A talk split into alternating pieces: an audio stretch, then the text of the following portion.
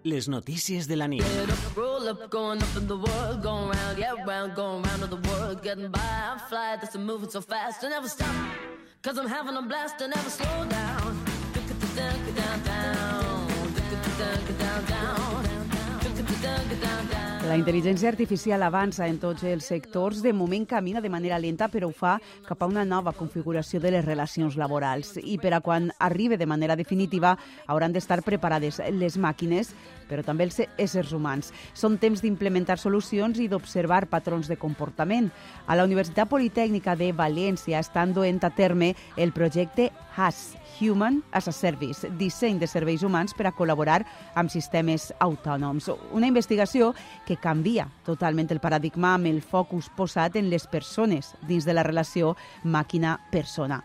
José Soler, bona nit. Sí, Alba, l'Institut Universitari Valencià de Recerca en Intel·ligència Artificial de la Universitat Politècnica de València treballa en com capacitar les persones per a poder conviure amb sistemes com cotxes autònoms, per exemple. D'esta investigació es poden definir noves necessitats laborals i suposa canviar la visió tradicional de relació entre els éssers humans i les màquines. Però per a entendre millor tot això tenim a l'altra banda del telèfon Vicente Perechano, que és doctor en informàtica i l'investigador principal d'este projecte. Bona nit, Vicente. Bona nit. Esteu desenvolupant eines i mètodes que capacitaran les persones per a col·laborar amb els sistemes intel·ligents. Explica'ns en què consisteix el vostre treball, què és el que feu exactament en el vostre dia a dia. Sí, pues eh, un poquet per a posar-te en, context, dir que partim de la premissa que en els sistemes intel·ligents, diríem a, a curt i mig termini, eh, no poden alcançar, assumim que no poden alcançar encara l'autonomia la, completa i, i necessiten moltes vegades, en la majoria de vegades, la, la col·laboració del, de les persones, dels humans, per a poder completar la, la funcionalitat d'aquests sistemes.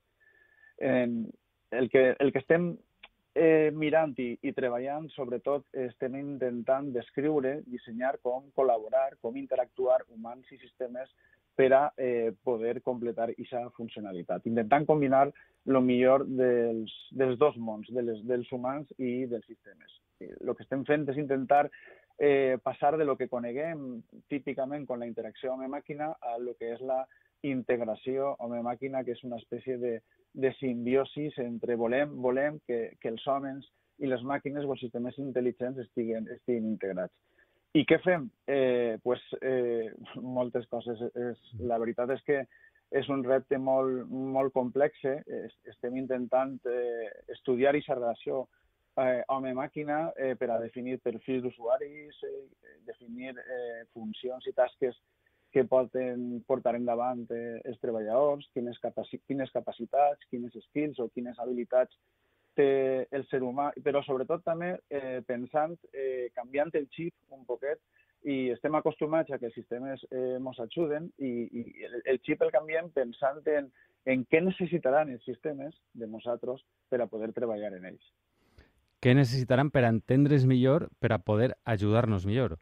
Entenc. Exactament, exactament, exactament, per a poder ajudar-nos millor i per a poder treballar d'una manera fluida, d'una manera eh, per a ser el més eficients possibles, fluida i que, que no ens moleste que treballem eh, bé en la màquina o en el sistema. Per tant, esteu, entenc, eh, investigant sí. patrons de conducta de, eh, en esta fase de, actual de la intel·ligència artificial, que encara no està desenvolupada mm, al màxim, diguem. Exacte, exacte, exacte, exacte. Eh, estem determinant i especificant eh, rols o, o paper que pot jugar l'humà o que pot jugar la màquina en, per a fer una, una determinada tasca, quines responsabilitats té que tindre cadascú i, sobretot, com has dit molt bé, eh, patrons de comportament de l'humà i, i, i de la màquina, per a intentar eh, implementar un, el que diguem un control compartit. Com fer la feina entre els dos i qui, i, qui, i qui pot fer millor una part de la feina i qui pot fer millor una part de l'altra una altra part de la, de la feina. I com ho feu físicament? Perquè un imagina tot un laboratori ple de robots o, o com, com, com eh, treballeu? Eh, eh, no, no tenim eh, no tenim la capacitat, eh, ho fem simulant, con, con, mm -hmm. construïm prototips i, i fem simulacions, però encara tenim, tenim eh, algunes empreses en les que treballem i, i, i en, en l'àmbit de la indústria 4.0, que no estan tan avançades com, com el que nosaltres tenim al cap, però eh, podem fer algun xicotet projecte en ells eh, assumint o inventant-nos eh, certes, eh, certes feines com se farien en, eh, utilitzant màquines un poc més intel·ligents de les que, de les que ells disposen. I de quines feines este, estem parlant en concret? Perquè una de les branques apuntaves sí. que és definir els treballs del futur de manera formal. Sí, eh, pensa que la nostra feina, eh, la, nostra, la nostra recerca està pensada eh, per a sistemes intel·ligents en general. A veure, eh, i, i la, important, eh, poden ser robots, poden ser eh, sistemes informàtics, uh -huh. eh, pod podria ser, inclús podríem pensar en, en el famós xat GPT, sí. com, com podria ser el xat, el xat GPT del futur per a treballar millor i, en, en nosaltres i donar millors resultats. Podria ser el, un Photoshop en, en intel·ligència artificial. Eh, pensen en qualsevol tipus de, de sistema. Bueno, ja veus que diuen que és una nova revolució industrial que crearan noves dinàmiques d'ocupació i es compara fins i tot amb l'arribada de l'electricitat i com va produir grans canvis en la societat. Estem exagerant? Bueno, eh, exagerant no, no, no crec que exagerem. A, a curt i mig plaç probablement l'impacte no siga tan gran, però en 5, 6, 10 anys eh, ja no tenim aquest impacte i, i la veritat és que no, no estem exagerant. Tenim, com deia, eh, com, bueno, volia comentar-te que l'objectiu també com a...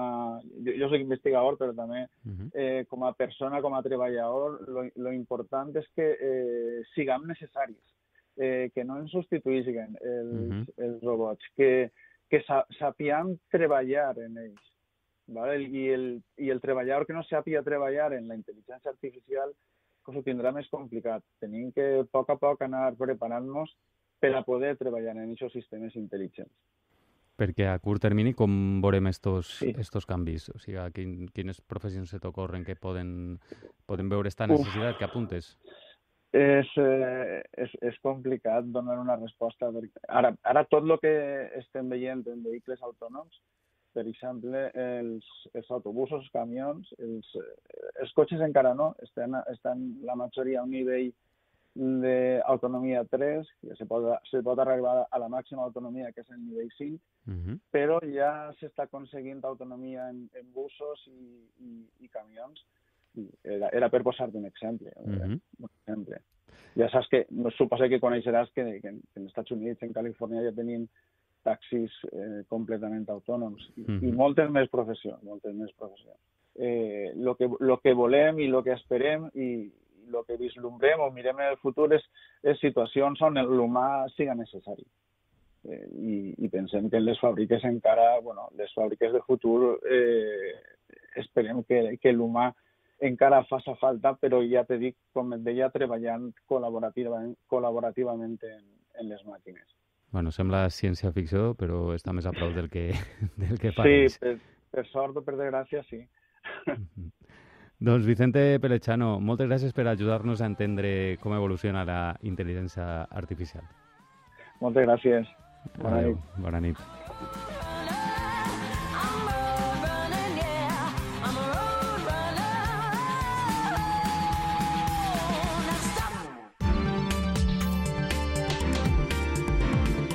Escoltes a punt, les notícies de la nit.